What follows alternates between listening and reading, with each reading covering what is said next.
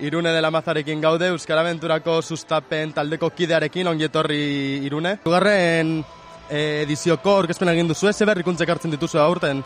Bueno, berrikuntza askorik ez dago, e, azkenean e, bueno, antolaketa atletik eta guretzako asko zerrezagoa da, ba, bueno, e, dakiguna eta daukagunetatik e, abiatzea.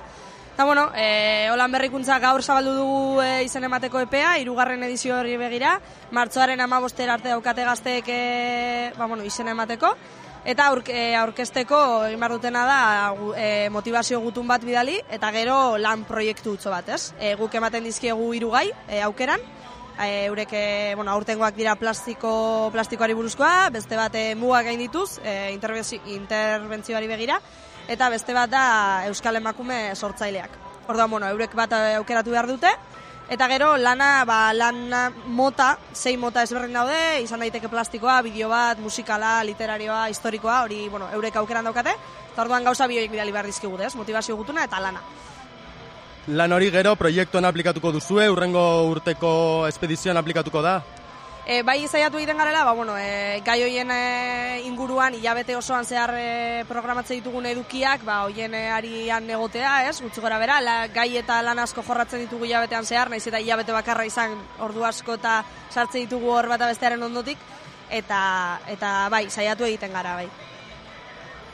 Zenbat urte bitarteko gaztei bideratuta doa Euskara Aventura Ba, irugarren edizio honetan parte hartu dezakete 2002an eta 2004an jaiotakoak. Bebai ezagutu ditugu birrol daudela umeak, baina bebai zerpak da, e, laukate bere beziko garrantzia proiektuan, nortzuk dira zerpak?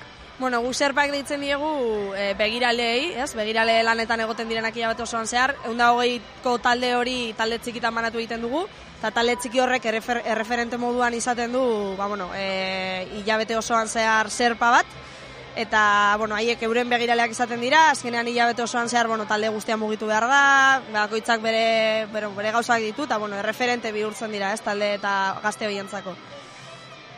En, eta gazte hauen gan en, Euskara Venturatik igaro eta gero en, nabaritzen duzue ba, Euskara hitz egiteko ohitura gehiago hartzen ari direla edo sueltu tasun gehiagorekin hitz egiten dutela Euskara Venturatik pasadaren Bueno, esan behar dugu, espedizioan parte hartzen duten e, gazteak azkenak lurralde guztietakoak, guztietakoak direla.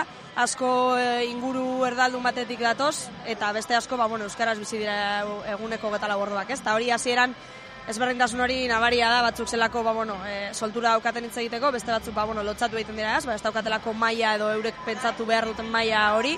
Baina, bueno, bai espedizioan nabaritzen dela, askeneko asteetan, ba, bueno, ikusten dituzula maila berdinean, egunero, ba, bueno, euskera sari direla euren artean, eta gero kanpora be bai, ba, amaitzen denean, e, ba, bai enteratu egiten gara, eurek esan da, edo, bueno, edo enteratzen zarelako, ez, ba, ez dakit Euskaraldiko sustapeneko taldeetan ari direla, edo Euskara e, batzordeetan institutuetan, edo, bueno, ba, zeo zerrek ez mugitu dituela hor, eta eta ari direla eurek ere bere kabuz ba, gauzetan parte hartzen, ez? Ba, eskerrik asko irune, e, informazio eskaintza gatik eta espero dugu aurtengo espedizioa arrakastatze izatea. Eskerrik asko zuei.